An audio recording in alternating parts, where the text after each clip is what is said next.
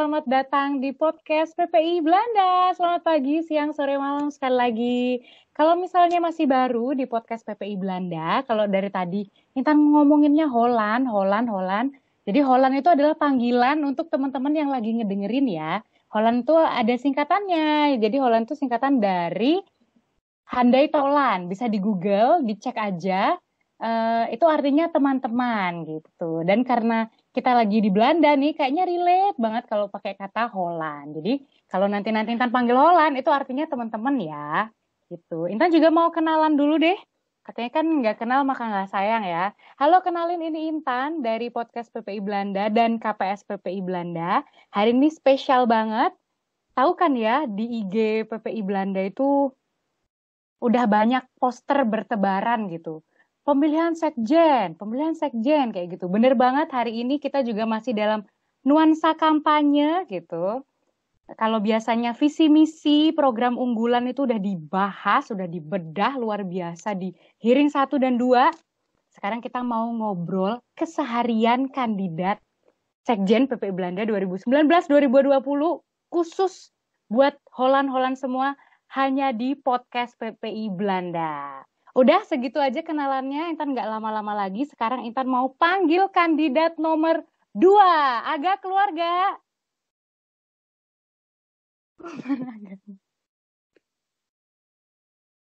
Mungkin dia lagi ini ya, butuh persiapan dia, masih milih-milih jas gitu. Halo. Halo, ya tadi kayak terputus deh sebentar. Oh. Uh, tapi uh, perkenalan ya, aku agak mahasiswa S1 tahun ketiga di Leiden University, tapi tinggal di Den Haag. Dan aku kebetulan banget nih, aku nyalon sekretaris jenderal PP Belanda buat tahun 2019 tahun 2020.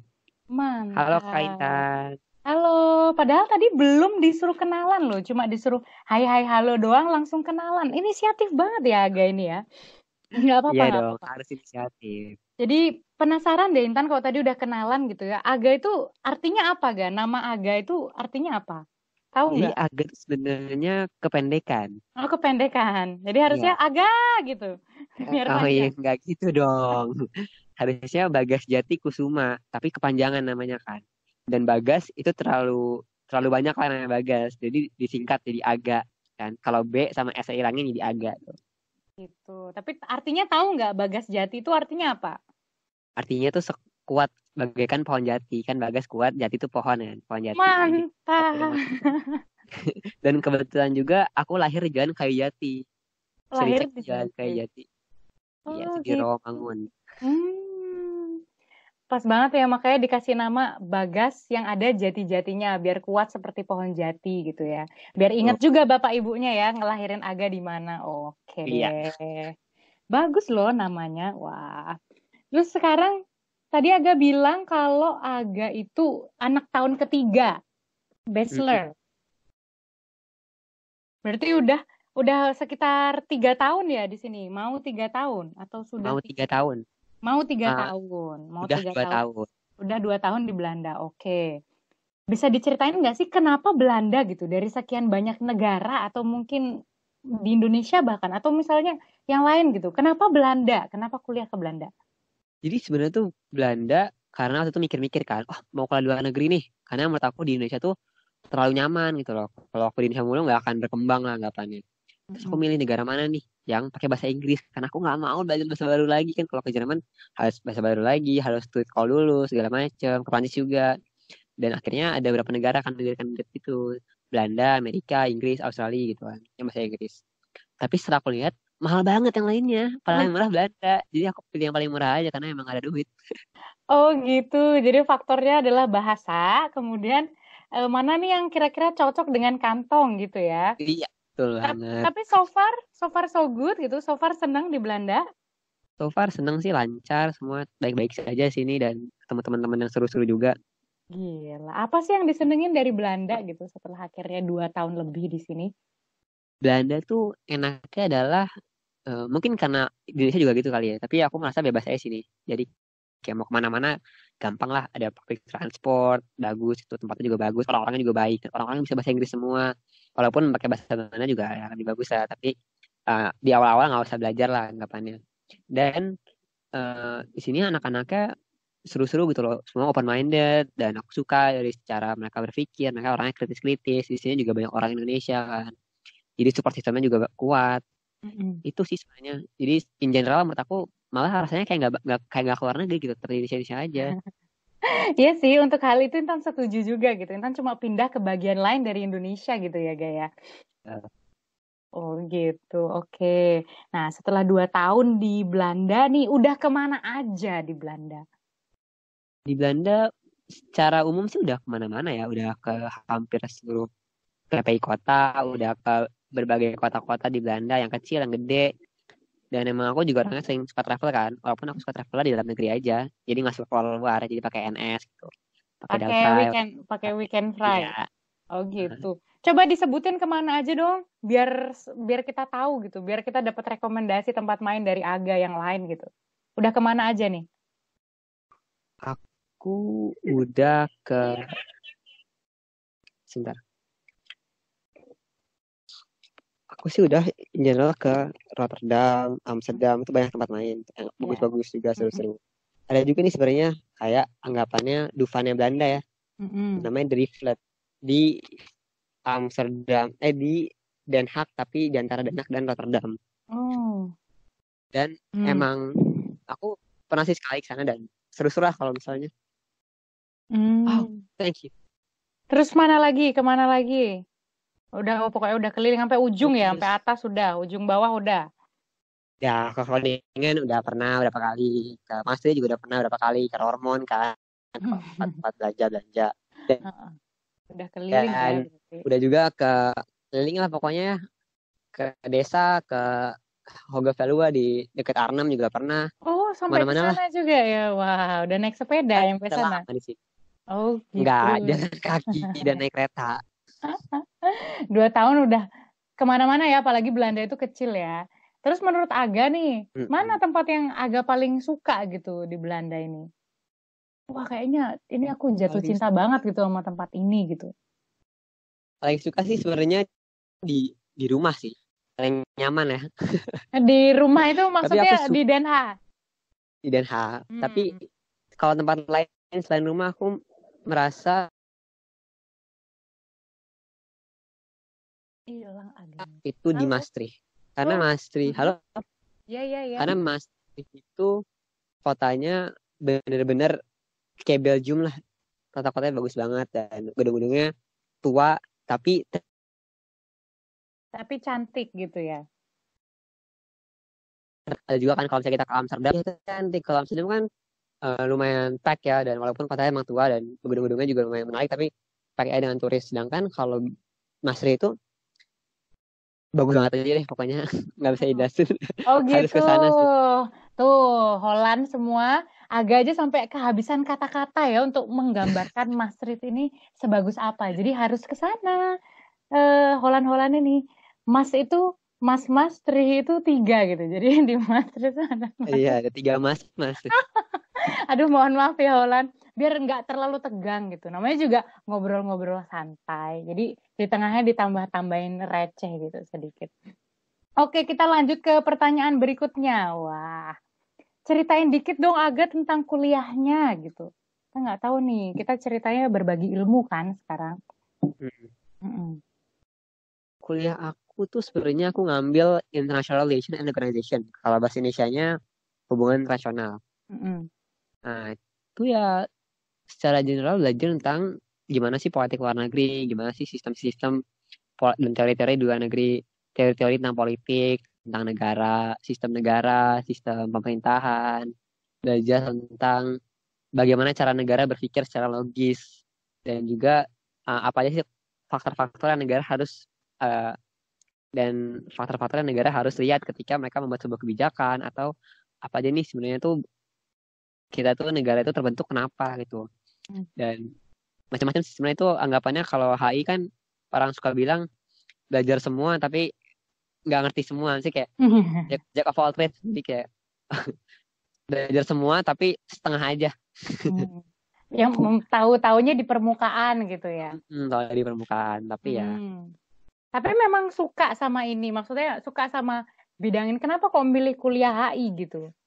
aku emang suka kan dari awal dari aku SMA semester eh, semester lagi uh, SMA tahun ke saat tahun kedua aku udah mulai suka dengan HI dan tentang politik gitu dan emang passion aja ke sini dan aku merasa kayak Belanda tuh cocok lah untuk belajar HI karena kan juga ini negara yang sering banget mengikuti uh, perjanjian menjadi perjanjian multilateral kayak organisasi nasional juga Belanda banyak banget ngikutin dan banyak banget juga kantor-kantor uh, organisasi internasional di sini di Belanda. Akhirnya aku juga memilih itu salah satu faktor aku ke Belanda sih.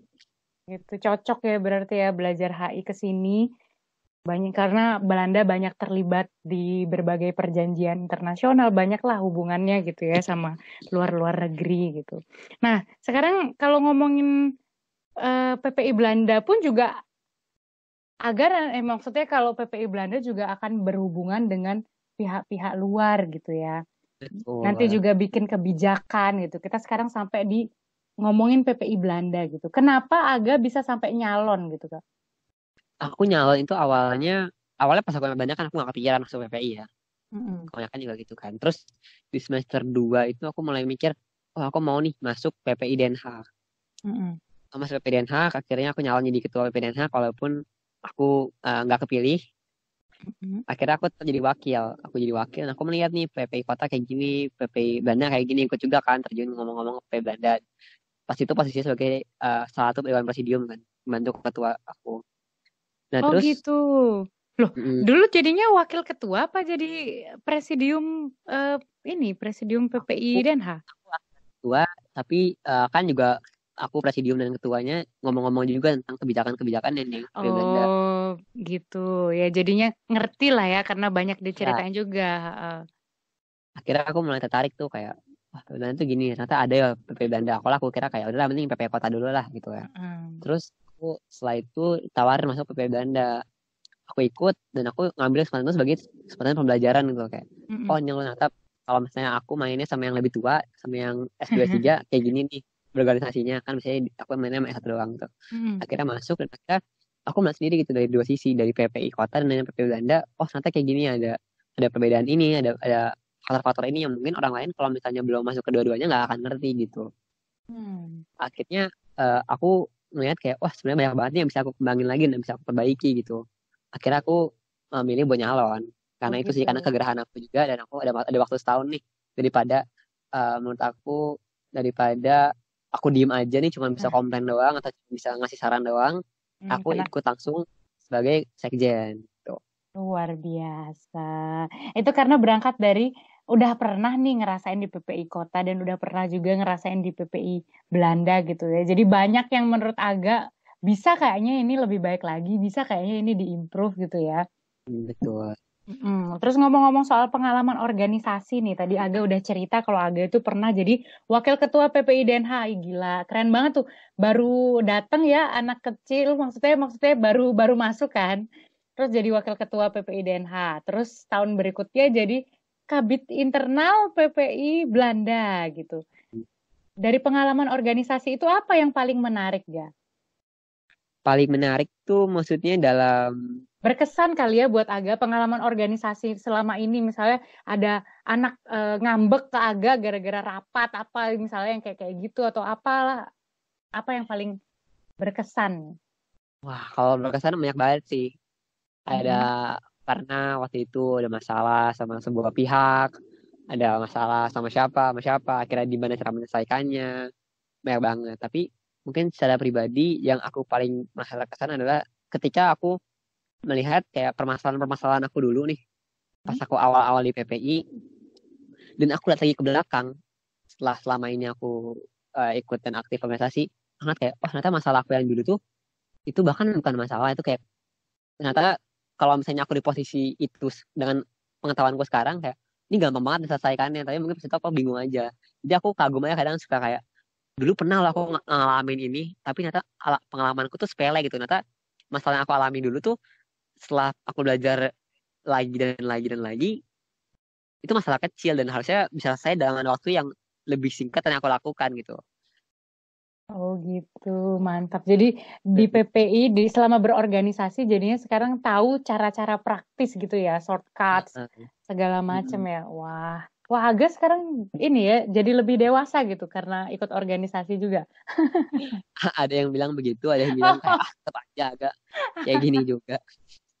Tapi jadinya kan tertarik deh mengulik itu. Katanya ada yang bilang agak lebih dewasa, ada yang bilang agak ah biasa aja masih kayak kayak gini aja. Emang menurut teman-teman ya gitu kalau agak ceritain ke Holland nih, menurut teman-teman Aga itu orang yang seperti apa sih?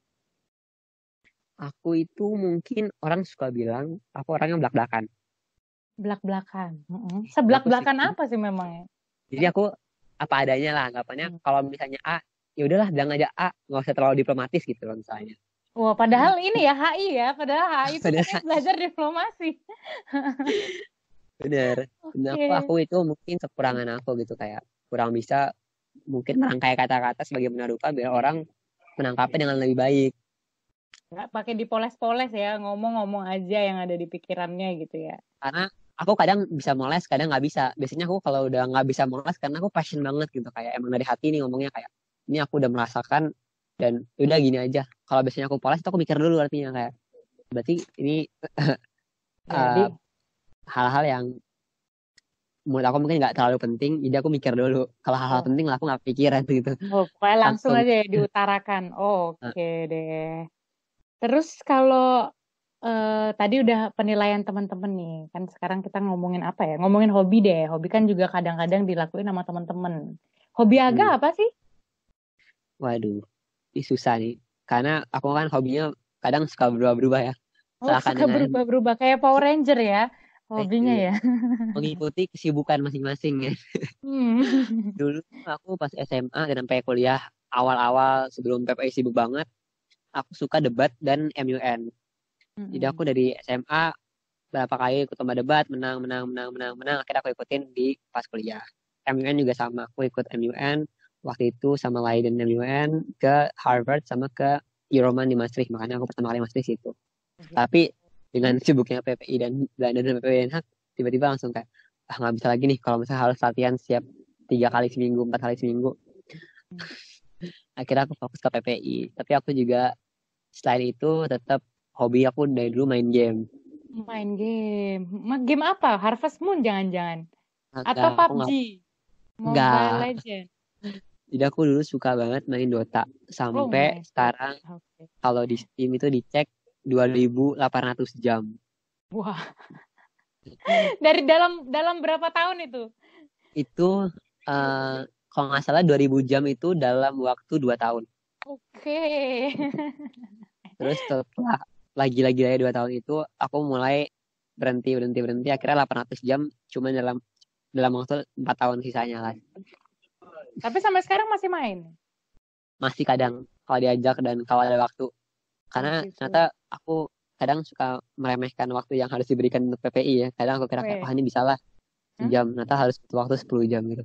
Wah, ternyata ya akhirnya karena PPI jadinya waktu bermainnya dikorbankan gitu jadi dikit waktu mainnya ya karena aku harus ngorbanin satu kan kalau aku ngorbanin main eh kalau misalnya aku nggak ngorbanin mm. main aku ngorbanin social life aku oke okay, gitu kalau ngomong... tetap boleh mm-hmm. ngomongin pengorbanan gitu ya gara-gara waktu gitu emang keseharian aga ya misalnya dari bangun pagi sampai tidur lagi tuh apa hmm. aja gak? Ceritain dong ke kita. Biasanya tuh aku bangun ya, bangun pagi, nggak pagi sih, bangun siang. Mm -hmm. Bangunnya Terus, siang jam berapa? Jam berapa bangun siang nih? Jam 10 sampai jam 11 biasanya. Tapi nggak kuliah memang? Biasanya aku kuliah siang, jam oh, 1 baru kelas. Okay. Pernah sih ada satu satu hari di mana aku kuliah jam 10, jam 9, tapi itu cuma satu hari doang. Lainnya jam 10, 1, jam 2 gitu-gitu kan. Oke, okay. nah, terus jam 10. Bangun, cek HP biasanya ada panggilan rapat atau panggilan ketemu siapa Sudah ya? dibalas HP hmm. sejam tuh balas HP hmm. mandi wow. kalau ada kuliah siap-siap kuliah kalau nggak ada hmm. kuliah uh, siap-siap rapat atau nggak kalau misalnya ada dua-duanya siap-siap ngerjain buat apa di PPI di laptop misalnya PPI banget ya semuanya PPI nih beneran nggak ada misalnya agak mengerjakan tugas atau agak nulis cerita atau agak ngevlog gitu? Gak ada. Ada yang ngerjain tugas tapi itu biasanya malam-malam karena aku oh, emang gitu. orangnya night awal aku tuh uh, paling bisa kritis dan mikir tentang tugas kalau misalnya udah di atas jam tujuh lah. Oke, oke, oke. Terus tadi itu kalau ada kul eh kalau ada apa namanya kuliah ya kuliah jam segitu. Kalau enggak ya berarti ngerjain sesuatu buat PPI gitu ya. Terus itu sampai eh, sore sampai malam terus habis itu ngerjain tugas gitu. Eh iya, saya Hmm. pulang habis selesai. Terus ah, kalau bisa kuliah kan bisa kuliah jam limaan kan, kan nggak Mhm. nyampe aku juga. Isinya ke kota mana kalau saya mau ketemu teman buat social life buat teman-teman socializing lah ya. Terus baru malamnya pulang. Atau kalau misalnya nggak ada teman yang mau diajak, saya ajak. Aku harus rapat atau apa ya rapat atau enggak ya ke library atau ke kampus tempatnya tempat kosong terus kerjain PPI atau apa gitu. Biasanya ada hal-hal yang perlu perlu dikerjakan.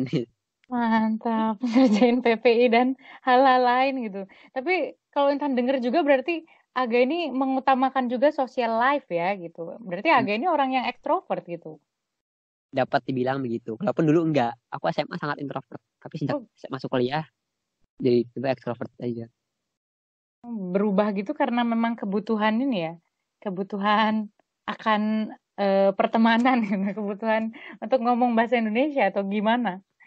Mungkin juga aku sejak kuliah jadi lebih pede aja ya dan kayak mungkin kan kalau SMA kan ya udah semuanya temennya itu itu aja itu itu aja. Tapi kalau sini kan kita bisa milih ya teman kayak kita mau temenan sama siapa, kita mau kayak kayak mana orang-orangnya. Jadi mungkin karena itu uh, aku jadi bisa lebih uh, keluarin pendapat-pendapat aku gitu. Dan akhirnya karena aku teman-teman aku yang sekeliling aku menerima aku ekstrovert dan aku cerewet, akhirnya aku jadi lebih berani untuk cerewet juga ke orang lain yang walaupun bukan belum teman.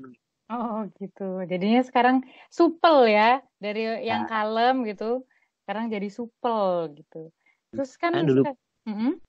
karena dulu pun aku kalem pun tetap supel, tapi ke Oh. orang-orang yang udah aku kenal. Oh, kalau Sekarang sekarang orang itu pun udah supel. Oke, wah keren banget nih. Terus kalau bareng teman-teman gitu atau misalnya lagi sendiri gitu, terus agak kan banyak banget gagasan-gagasannya yang eh, dituangkan untuk PPI Belanda gitu ya. Entah itu nanti eh, entah itu dari gagasan sendiri atau misalnya ngobrol sama teman-teman. Kan sekarang jadi pingin tahu deh, Holland-Holland juga pingin tahu tokoh inspirasinya Aga itu siapa sih? Inspirasi ya. Eh, inspirasi coba pikir-pikir dulu ya. Banyak hal. Mungkin salah satu tokoh yang aku pandang itu Sultan Syahrir. Oke, kenapa kok bisa sampai ke sana gitu? Kalau orang tuh banyak tuh paling banyak misalnya ngomongin pasti presiden pertama Indonesia lah, atau misalnya siapa ya ayah ibunya mungkin atau siapanya gurunya gitu. Oh, Ini sampai ayah Sultan ibu, Syahrir. ayah ibu juga aku kagum. Tapi kan Oh orang iya nggak iya, tapi udah udah udah mainstream mungkin ya. Coba agak nyeritain kita dong soal ini Sultan Syahrir Syahrir ini kita jadi pingin tahu deh. Sultan Syahrir itu kenapa aku kagum? Karena pertama eh, itu menyerahkan pendapatnya tanpa rasa takut gitu loh. Jadi dia ya dia keluar-keluar aja dia belak-belakan aja walaupun eh, karena sikap belak-belakannya itu dia akhirnya jatuh sendiri gitu loh. Hmm. Dan dia juga kuliah di Belanda di kampus Oh, yang sama kayak aku. Jadi oh. mungkin ada faktor itu juga. Oh, aku mau seperti dia gitu ya. Itu udah memberikan aku inspirasi yang sangat besar gitu. Makanya aku sekarang melangkah ke PPIB 1 gitu ya. Walaupun nggak ada mobil juga. Ah Nah, ya, ya pakai NS lah ya. Ini eh, PPIB 1 lagi berangkat ke mana-mana gitu. Waduh. Oke, tadi ngomongin PPIB banyak banget ya. Aga juga dedikasinya udah segitunya ya. Dari cerita-cerita Aga yang bisa kita simpulkan bareng gitu. Aga punya harapan apa sih sama PPIB? eh, harapan aku sih buat PP Belanda itu untuk semakin aktif, semakin giat eh, berorganisasi, bertemu dengan eh, pelajar-pelajar lain di Belanda dan akhirnya membentuk sebuah komunitas tersendiri gitu. Jadi there's eh, ada sense of belonging dan sense of community antara anggota-anggota PPI dan pelajar-pelajar Indonesia di Belanda. Dan setelah itu udah menjadi hal yang emang lazim dan orang semuanya memiliki identitas itu, aku rasa kita akan jadi lebih akan lebih Solid. bisa menjadi organisasi yang yang yang, yang apa yang yang yang aktif dan yang yang bisa melakukan gagasan-gagasan kita. Hal itu sih. Luar biasa, amin. Kita doain bareng-bareng ya gitu. Terus Aga ini mau ngomong apa gitu ke teman-teman yang lagi dengerin sekarang? main apa ya jangan terlalu kampanye lah aku kayak itu mungkin nanti aja pas hearing Oh tapi gitu. Ah, ya ya bebas ini makanya kan bebasin ini nggak ada hubungan dengan hearing juga ini. Kita oh, cuma mau kenal mau kenal agak lebih jauh. Wah. aku mau aku sampaikan adalah kita tuh sebagai PPI Belanda harus bisa uh, lebih kayak lebih care, lebih lebih lebih guyup, lebih memiliki sense of belonging sih menurut aku yang paling penting ya. Dan itu yang juga pengen aku terapkan di PPI. Kalau misalnya aku kepilih nanti, gimana sih caranya biar komunitas itu tetap uh, memiliki sebuah uh, suara di PPI. Jadi uh, bukannya dari atas ke bawah, tapi lebih dari bawah ke atas. Jadinya masyarakat-masyarakat dan pelajar-pelajar dari dari bawah pun yang menyuarakan apa yang mereka mau buat PPI dan mereka terlibat aktif dalam hal itu. Contohnya nih misalnya ada siapa siapa pun lah pendengar Holland yang tertarik misalnya dengan sebuah topik, sebuah hal, sebuah proyek yang akhirnya bisa dibawa ke PPI dan kita kembangkan lagi bersama. Dan hmm. itu yang aku penting gitu loh. Dan mau aku sampaikan adalah ya tadi uh, yuk kita bersama-sama membuat TPI lebih aktif, membuat TPI lebih uh, lebih lebih hidup, serius, lebih asik. lebih hidup, lebih asik dan lebih memiliki uh, tadi sense of community dan bagaimana caranya biar kita bersama-sama maju bersama. Mantap. Kalau udah pondasinya kuat gitu ya, kalau udah akarnya kuat itu sampai ke atas juga akhirnya pohonnya jadi besar dan kemudian terkenal ya ke seluruh antero uh, dunia ya PPI Belanda ini kan gaungnya besar banget gitu ya. Itu ya harapannya agak ya biar ada partisipasi dari teman-teman yang lain juga. Nggak usah takut bersuara gitu ya. Nanti yeah. karena agak akan merangkul Holan-Holan merangkul suara-suara Holan-Holan gitu ya. gitu. Terus Aga biasanya tidur jam berapa sih, Ga? Aku biasanya tidur jam satu atau dua. Kalau lagi sibuk jam tiga. Wah, mantap. Ini kebetulan Ayo. lagi udah udah malam ya Holland ya, tapi sekarang tuh setengah sebelas gitu. Tapi kalau udah agak bilang kayak gitu, mungkin habis ini juga agak nggak tidur lah, karena ini masih setengah sebelas gitu. Agak nunggu jam dua atau mungkin jam 3 gitu. Tapi kita tahu juga nih agak sibuk. Jadi apa boleh buat kayaknya kita harus sudahi aja dulu ini ceritanya. Tapi kita udah dapet uh, banyak banget nih insight gitu. Kita udah tahu ternyata Aga itu orang yang seperti ini gitu. Dan niatnya baik banget buat PPI Belanda. Tepuk tangan dong buat Aga. Ye, tepuk tangan dong enggak? ada yang tanda tangan ya, tepuk tangan ya. Aduh, aduh. Ya udah kalau gitu Gimana Holland udah dapat gambaran? Mudah-mudahan udah dapat gambaran ya. Jadi nanti udah tahu tanggal 12 Oktober bertempat di Wageningen udah ada satu suara, udah ada satu nama yang dibawa sama PPI kotanya yang diwakili oleh presidium atau mungkin ketua PPI kota yang bersangkutan gitu ya udah ada satu nama udah dapat gambaran udah jelas banget nih mau milih ini gitu karena programnya udah oke okay, visi misinya udah oke okay, dan orangnya kepribadiannya oke okay juga gitu. Mudah-mudahan ya udah udah dapat gambarannya. Itu sih harapannya KPS gitu. Terima kasih buat semua Holan di mana aja yang udah mendengarkan. Kita doain yang terbaik untuk kandidat dan PPIB. Asik. Yang Intan percaya nih dan Intan yakin Holan-Holan juga percaya, niat baik itu pasti akan menemukan jalan. Jangan lupa buat semua Holland untuk berpartisipasi. Tanya juga ke PPI kotanya gimana nih caranya ikut milih apa mau musyawarah atau voting gitu. Pokoknya jangan apatis gitu ya.